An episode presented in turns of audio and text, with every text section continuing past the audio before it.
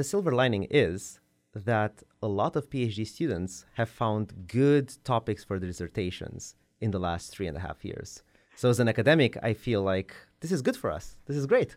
I feel like my class interest has been furthered by Brexit.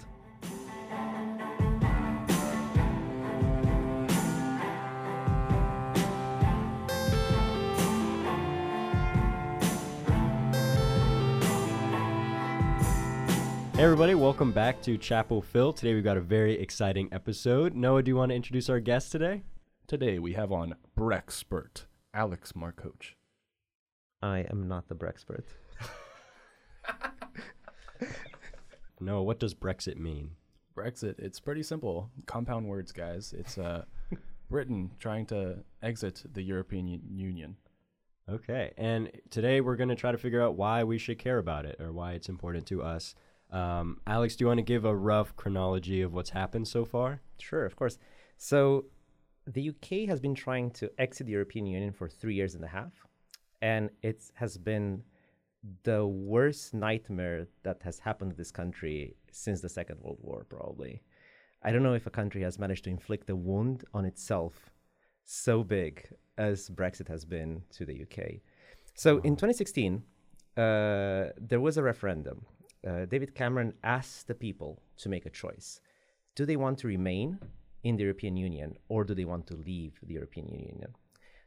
Initially, everybody thought this will be simple.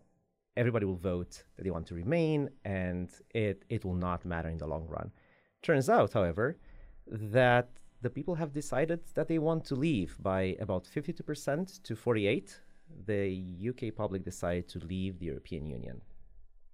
And that's when the problems have started. Because despite a very long campaign in which the people were promised 350 extra million pounds per, per week, uh, they were promised uh, more independence, they were promised uh, more welfare, they were promised uh, better policing, more security. Despite all of that, once Brexit actually took place in 2016, the moment when people actually voted for Brexit in 2016, the British government and the British political class tried to implement this. And when they got to the details of how to implement an exit from the European Union, uh, problems popped up. And they've been dealing with these problems from, for three and a half years. Um, initially, the idea was that the UK would leave on the 29th of March, uh, 2018 is that right? 2019. I apologize. 29th of March 2019. Uh, earlier this year, because they haven't been able to find a, a, a, deal through which to exit the European Union, they weren't able to agree on a set of terms and conditions that would govern the departure. They decided to extend. Uh, so on the 29th of March, there was supposed to be a Brexit. There was no Brexit. They've secured an extension until the 31st of October everybody was making fun of how we'll exit the European Union on Halloween. Uh, people, I think people have already started to prepare uh, Halloween costumes. Uh, I have friends who are thinking about going as the European Union on Halloween. Uh, or going as Theresa May for Halloween. Um, but as it turns out, we will probably not leave the European Union on Halloween. Uh, a few days ago, the, the current Prime Minister, Boris Johnson, has asked the European Union for a further extension the request was to, to extend Britain's membership in the European Union until the 31st of January. Uh, the European Union is currently considering that request, and they're yet to decide on whether to grant a three month extension to, to the UK. So we don't know, uh, but it's very, very unlikely that the UK will leave on the, on the 31st of October.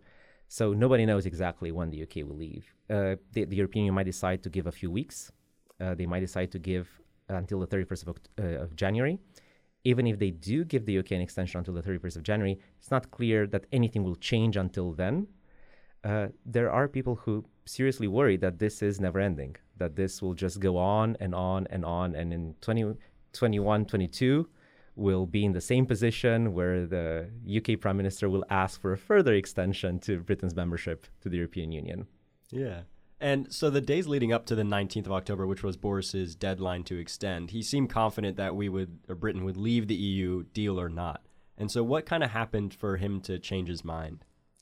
Parliament happened. So uh, the he he said that he would leave the European Union, do or die. He would rather be, and I quote, dead in a ditch, uh, than extend. Um, but as it turns out, there was a vote in Parliament a few a few weeks ago where Parliament has decided that they do not want a No Deal Brexit, and therefore, if there is no deal that would govern Britain's exit from the European Union approved by the 19th of October, it's a matter of law that the Prime Minister has to request an extension until the 31st of uh, January. So it doesn't really matter what he wanted. Parliament has decided that he has to request an extension, and he did, despite saying several times that he won't and Right. that he would rather break the law, die in a ditch. Nevertheless, we're now in the situation where he did request an extension, and it's very likely that the extension will be given. So this just goes on and on and on. Right. Maybe we could open a new field of study, majors in Brexit studies. There will definitely be classes on it, I imagine. I mean, there already are, but it's it, it, it's it's even more interesting. So I was uh, I was uh, in a politics department at in the UK when Brexit happened, and the the day after Brexit happened, I went on different web pages and I saw a lot of political scientists in the UK had revised their web pages. So they had specialties in British politics, comma Brexit.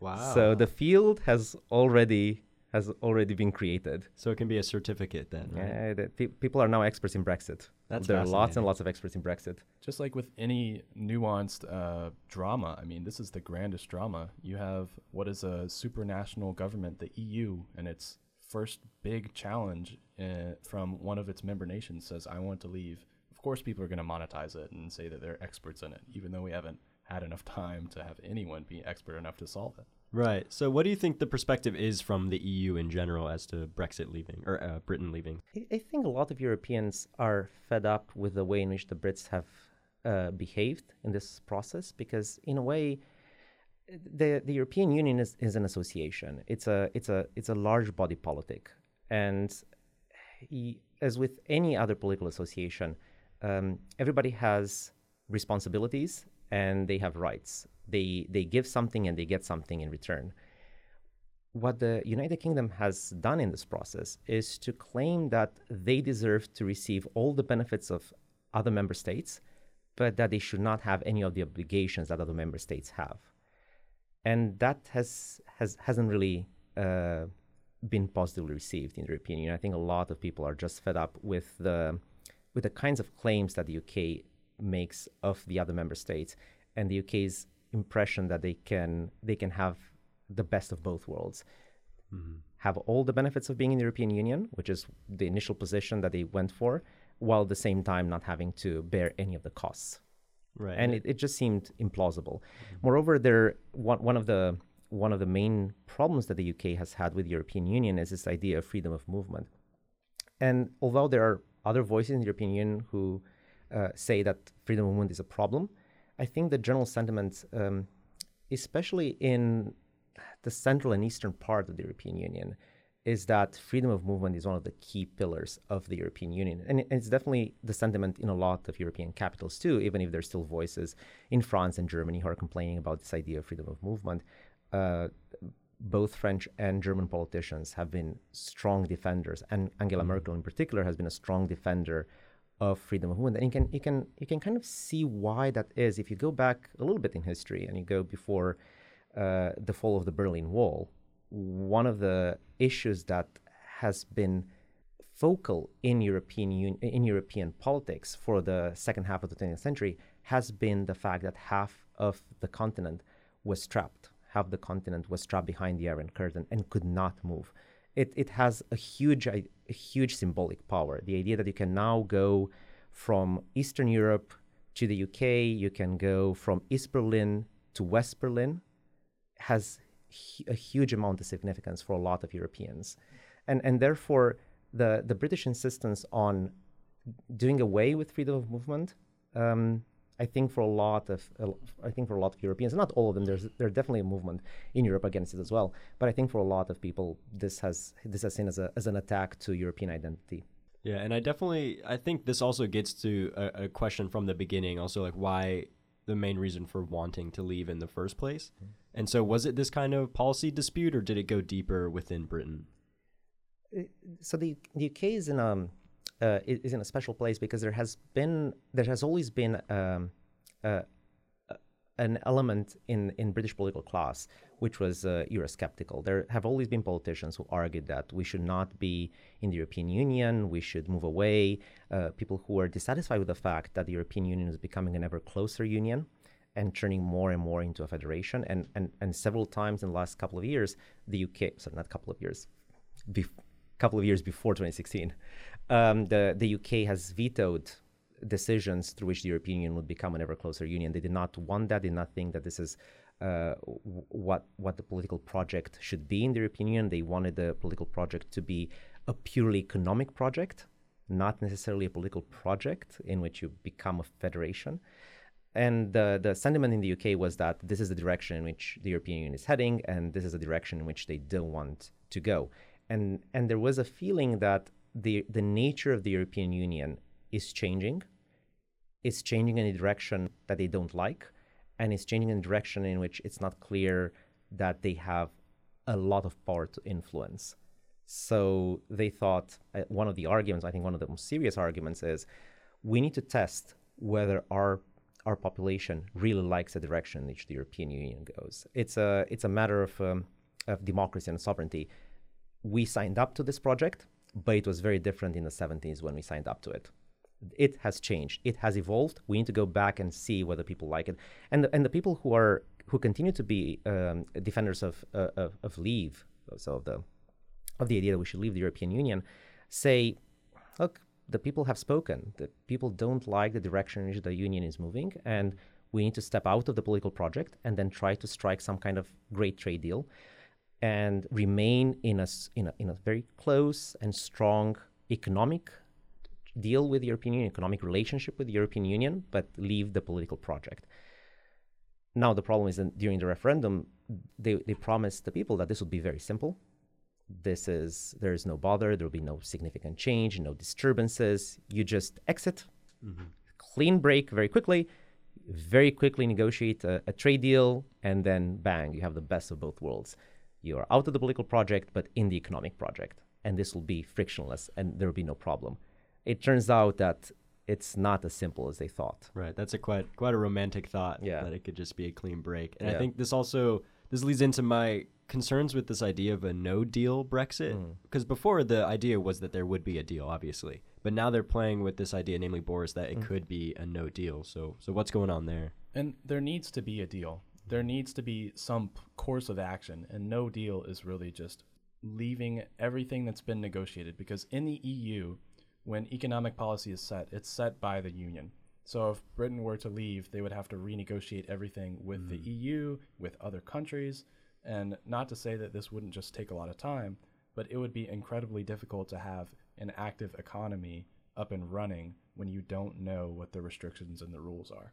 Yeah, and Alex, it strikes me as something that this is reactionary politics, right? Mm-hmm. I mean, this is, you know, a question of autonomy. We don't feel represented. We don't feel that our dollar plays the same. There's issues with Turkey and other countries and the flood of immigrants. Um, we've heard a lot of that rhetoric from folks in the EU that are pro Brexit.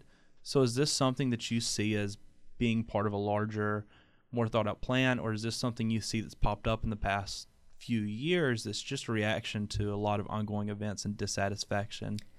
So, things have changed in recent years in the European Union. And one of the events that people point to is the accession of a lot of Eastern European countries.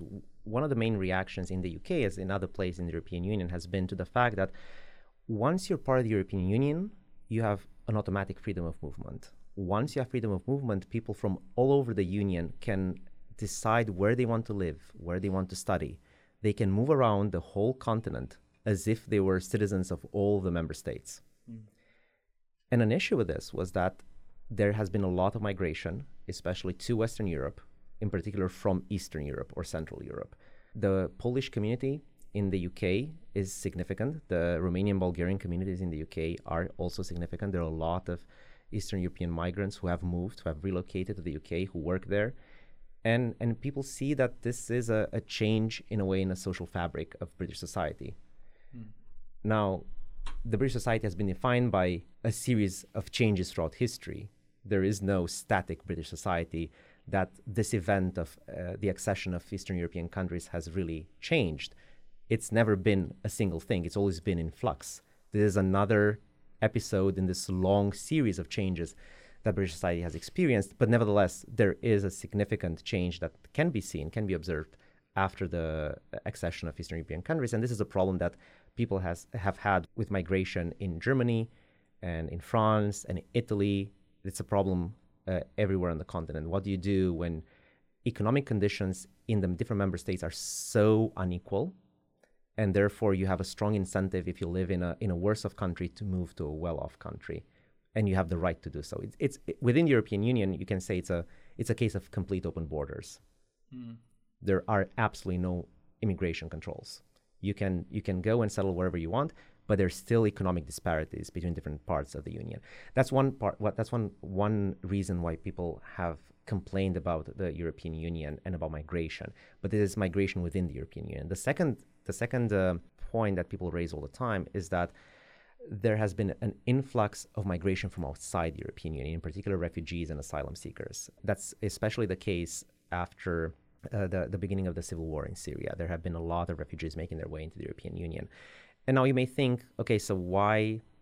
What's the problem with the European Union and migration? Well, one of one of the things is that the European Union has a, a, an asylum policy, which says that the different member states should share the burden equally, which means that countries that do not have a border on the Mediterranean, countries that would not be a first destination for uh, asylum seekers, for instance, the UK. Mm-hmm. It's very difficult if you're an asylum seeker from Syria it's very difficult to make your way to the UK without passing through other countries. Nevertheless, the European Union has said it's unfair in the Union to place the burden of asylum seekers solely on Greece, for instance. Greece has been uh, uh at the forefront of the asylum crisis. And they said that it's unfair to place the burden on, on Greece just because of their uh, geographical position. And therefore, because we are a union and we share responsibilities, there should be some kind of redistribution policy where as- asylum seekers who make their way into Greece should be redistributed to other member states. And the UK was opposed to that to, to that move and was was against accepting too many asylum seekers, and they they, they were very much against the the migration policy of the European Union. So in so both internal migration and external migration have been complicated discussions in the European Union, and a lot of member states agree. Nevertheless, the solution for them is we need to reform. Like the European project is flawed in very many, very many ways. Just like any political association, there are lots of problems. There is no single country that can um, that can say that they're a perfect political association. There are numerous problems. The question is, are the problems s- so endemic? Are the problems so significant that you should dissolve the union? And many people believe that's not the case. You still need to reform it. There, there are still things to be ashamed of. There are still things that a lot of people dislike about the European Union, but that doesn't mean that you need to dissolve the union. That means you need to do to change some things. And a lot of countries, especially after Brexit, a lot of a lot of countries now take the view that the right approach is to stay in and reform it.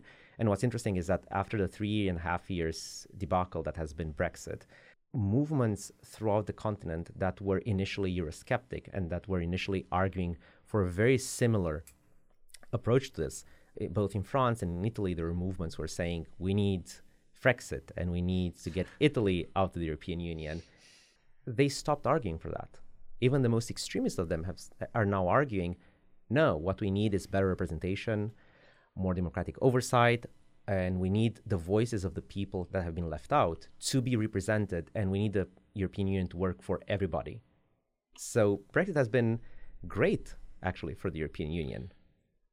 Wow, yeah. So these ideas of, of like migration and economics yeah. make it clear why the EU has a say in, in Britain leaving and why they have these sort of concerns.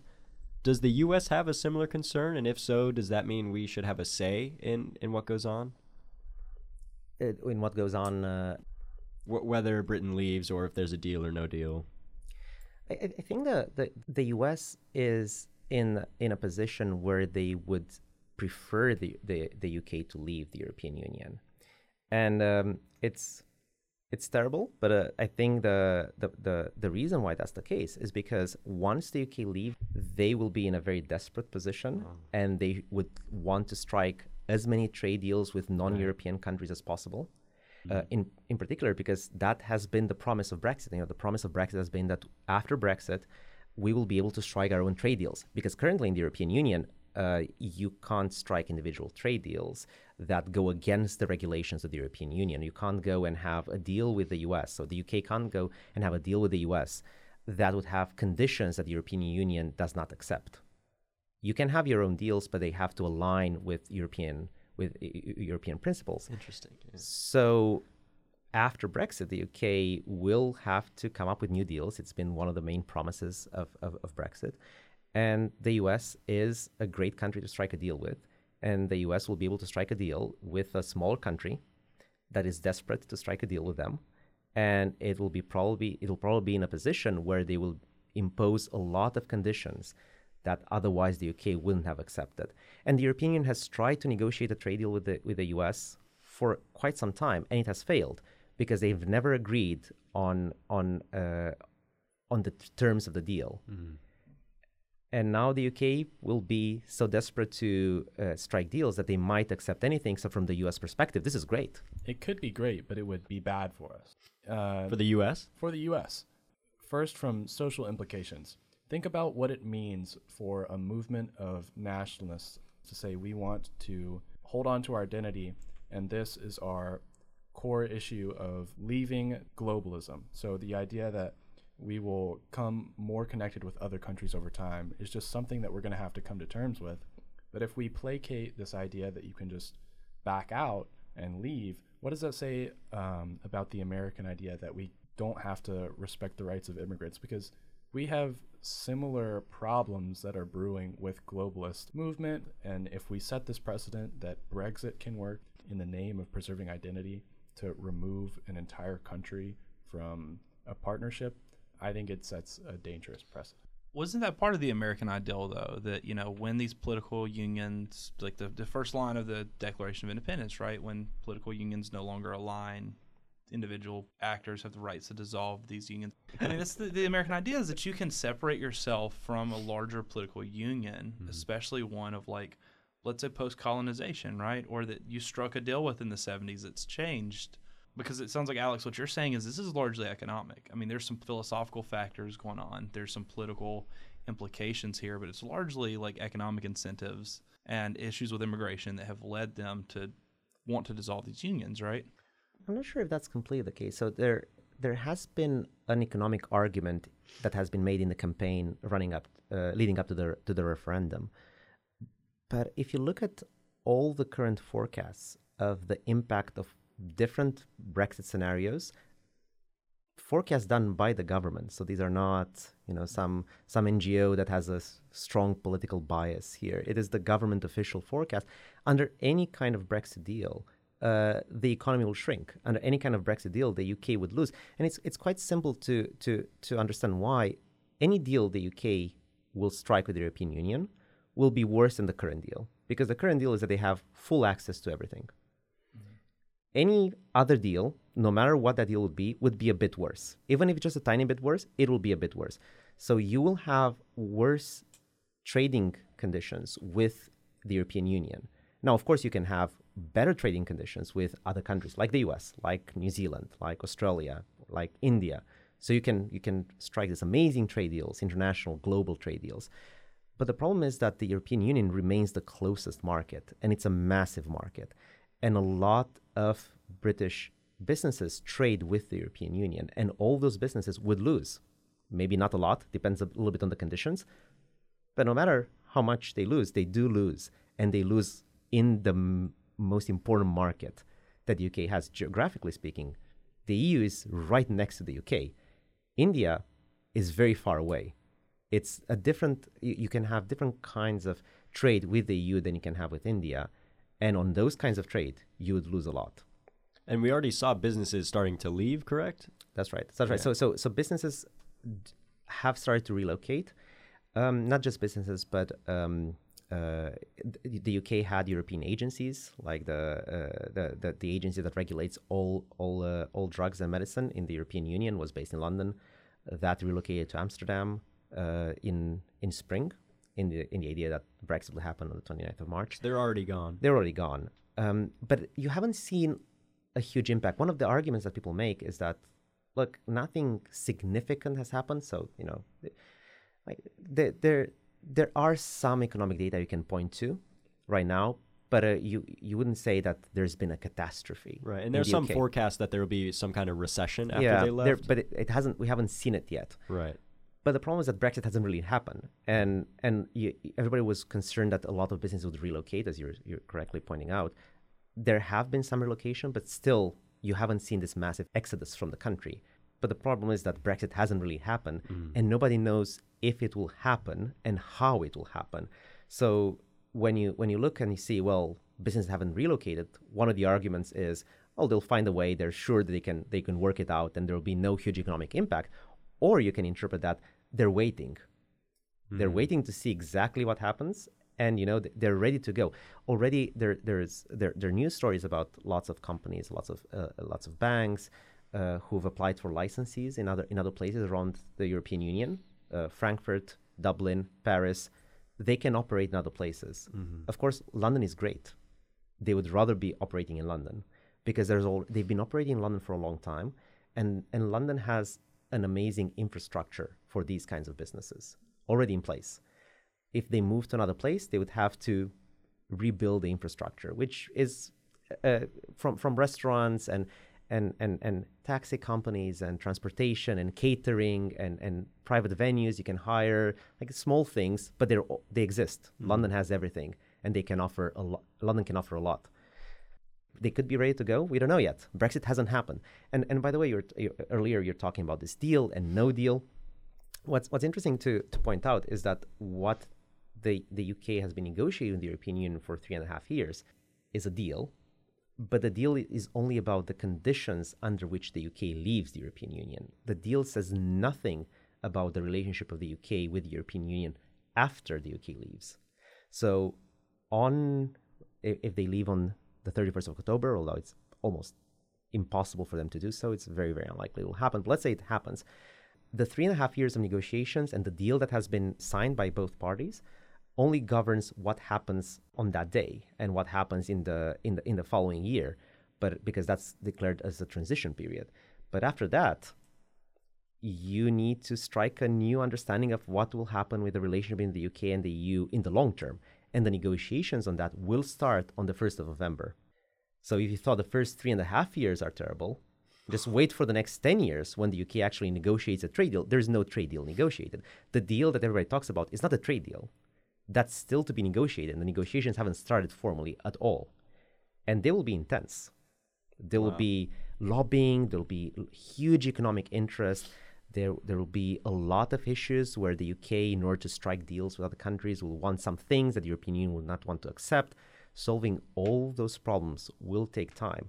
The European Union has negotiated quite a lot of trade deals. If you look at the, at the history of trade deals the EU has negotiated, you will see that they take a lot of time. They take sometimes they take six, seven, up to ten years to negotiate because this is complicated stuff, Yeah. and that's coming. Yeah. So what if I'm a citizen in the UK? What are some benefits that I'm hearing of, of us leaving? One of, one of the arguments that has been has been made is that we you'll you'll have better control over how the country will look like. Uh, you'll have more power to determine the way in which uh, the country is organized, the way in which the country is run. You'll if if you like immigration, you'll have a vote that you can give to British politicians who will then go to parliament or go into government and enact that particular view about immigration if you want a lot of immigration from the from the EU, you can vote for the right politicians and you'll get that. However, if you don't want that, you'll have the freedom to choose politicians who restrict that. If you think that the UK needs more immigration or less immigration, if you think the UK needs a point-based immigration system, or if the, if you think the UK needs an open border system, you'll now have the power to determine that. Whereas in the current uh, system, you cannot choose to restrict access to European migrants in the UK That's just not possible. You'd gain, you'd regain the freedom to determine who comes into the country to some extent, right? I mean, you still have that freedom right now with regards to third-party countries. You, you can restrict immigration from non-EU countries, and that's up to you. That's up to the UK how they deal with that. Um, but it's it's not the case that they can choose how to deal with European migration. And and after this, you'll have a you'll have a say in that. Another thing that you can do is there are a lot of regulations in the European Union that, that have been imposed by Brussels. A lot of worker protection regulations, a lot of environmental regulation. Um, some people like it, some people dislike it. There are reasons why some may prefer to, in some areas at least, to go back on some of that regulation to allow more businesses to move there and lead to more growth, particularly in regions that have been uh, that are, are, are are worse off. Currently, you can't do that as a member of the EU. You exit, you have the right to determine what kind of regulation applies to your country. Now, on the flip side, it's not like the European Union is making these decisions without any kind of democratic participation from the UK, right? So, first of all, a lot of European regulation has to pass through European Parliament. There is such a thing as the European Parliament, where British politicians represent the British public. Mm. We've had European elections in May where we voted for European members of par- British European members of Parliament. I voted, I've elected a European member of Parliament for the UK who has a say, who has a vote on almost anything that the, that the European Union wants to pass. Uh, secondly, a lot of the a lot of the decisions that are, are taken at the European level will be taken by the heads of state. And in some of those decisions, the heads of state have a veto. That is, the British Prime Minister can go to these meetings and say no. In particular, for if, if the European Union is deciding to go towards a, a, a, European army, which is a proposal that we would have a, a, European army, the British Prime Minister could just veto that decision and there will be no European army. It, so it's not mm. the case that you currently have absolutely no democratic control, control over what's happening in the European Union. However, participation in European elections, very low. I see. Okay. So you, uh-huh. people do vote for this, but not too many people. Right. Um, did you do an absentee vote from the U.S. or did you go to? Were you in the UK? When you, you in, so I voted by proxy. Oh, who wow. is it? Somebody votes for yep. you? I just I just designated a friend because I was not in the country. So I just hand uh, I had, had a friend who uh, who went to the polling station for me. Shout out to that. Person. Shout out to Lewis. Yeah. Could you? Did you have the yeah. option to mail your ballot? Uh, I, I I did have the option to mail to mail a ballot. I, I wasn't sure if I would be in the country, so I didn't register for that in time. Oh, I see. Yeah. So so then because my travel plans changed and there was a there was a chance that I would be able to be in the country, uh, but my pro- my travel plans changed. So then I had to apply for an emergency proxy vote. Yeah. And That's really cool. Yeah. I didn't know that was an option. I wonder how many people give up their vote as a proxy and then whoever they gave it up to voted opposite. Oh, yeah. So you desired. just have to trust that they'll uh, You have to trust that person, yeah. Oh, wow. Yeah. Okay. corruption. Yeah. yeah. No, that's an interesting idea. I don't know why we don't have that here. Maybe because we would have to trust the person. You would have to trust the person, yeah. Our election system yeah. already. Yeah, that sounds a little dangerous. So many complaints traditionally free trade is mm. also an option under Brexit, right? Where it's not now. I mean, you you are subscribed to the tariffs system of the EU, right? Mm-hmm. Like when you're an EU member nation, you're subscribed to all the trade deals, all the That's things. Right. And so one of the big proponents in the UK has been the option to freely trade, right? And so they want free trade with countries like Singapore and Australia. Yep. Let's say the Brexit actually happens, right? That they actually get out, they're independent, there's no deal how realistic is the possibility that they move to a free trade system? After Brexit, the UK can go for that system. The problem is that if they choose that, that will impact their relationship with the EU. That's why the negotiations that are starting on the first day after the UK officially leaves the European Union will be extremely complicated. Because if the UK decides to trade freely with other countries and reduce tariffs on things like, let's say, steel, which is a, a huge point in all uh, EU tariff negotiations, then the European Union will have a problem with the way in which the EU and the UK trade, let's say on steel. They might not want to accept steel from the UK into the European Union if the UK can bring steel with zero tariffs from other places. One of the classic examples that uh, the, the EU has tariffs on Chinese steel. The UK might decide to reduce them to zero but then the European Union will not want to trade freely with the UK on steel because that would mean the UK would be an entry point for all Chinese steel into the European Union. Moreover, this problem so so this is a, a, a challenge because if you go for whatever trade deals you go for internationally will impact your relationship with the European Union. And and the problem is even more complicated because there will be a back door no matter what the UK and the EU decide. There will be a back door almost under any scenario, which will be Northern Ireland. Thank you for being here and thank you for listening. This has been Chapel Phil. Look out for the next episode of Chapel Phil, in which we talk about what Brexit means for Northern Ireland.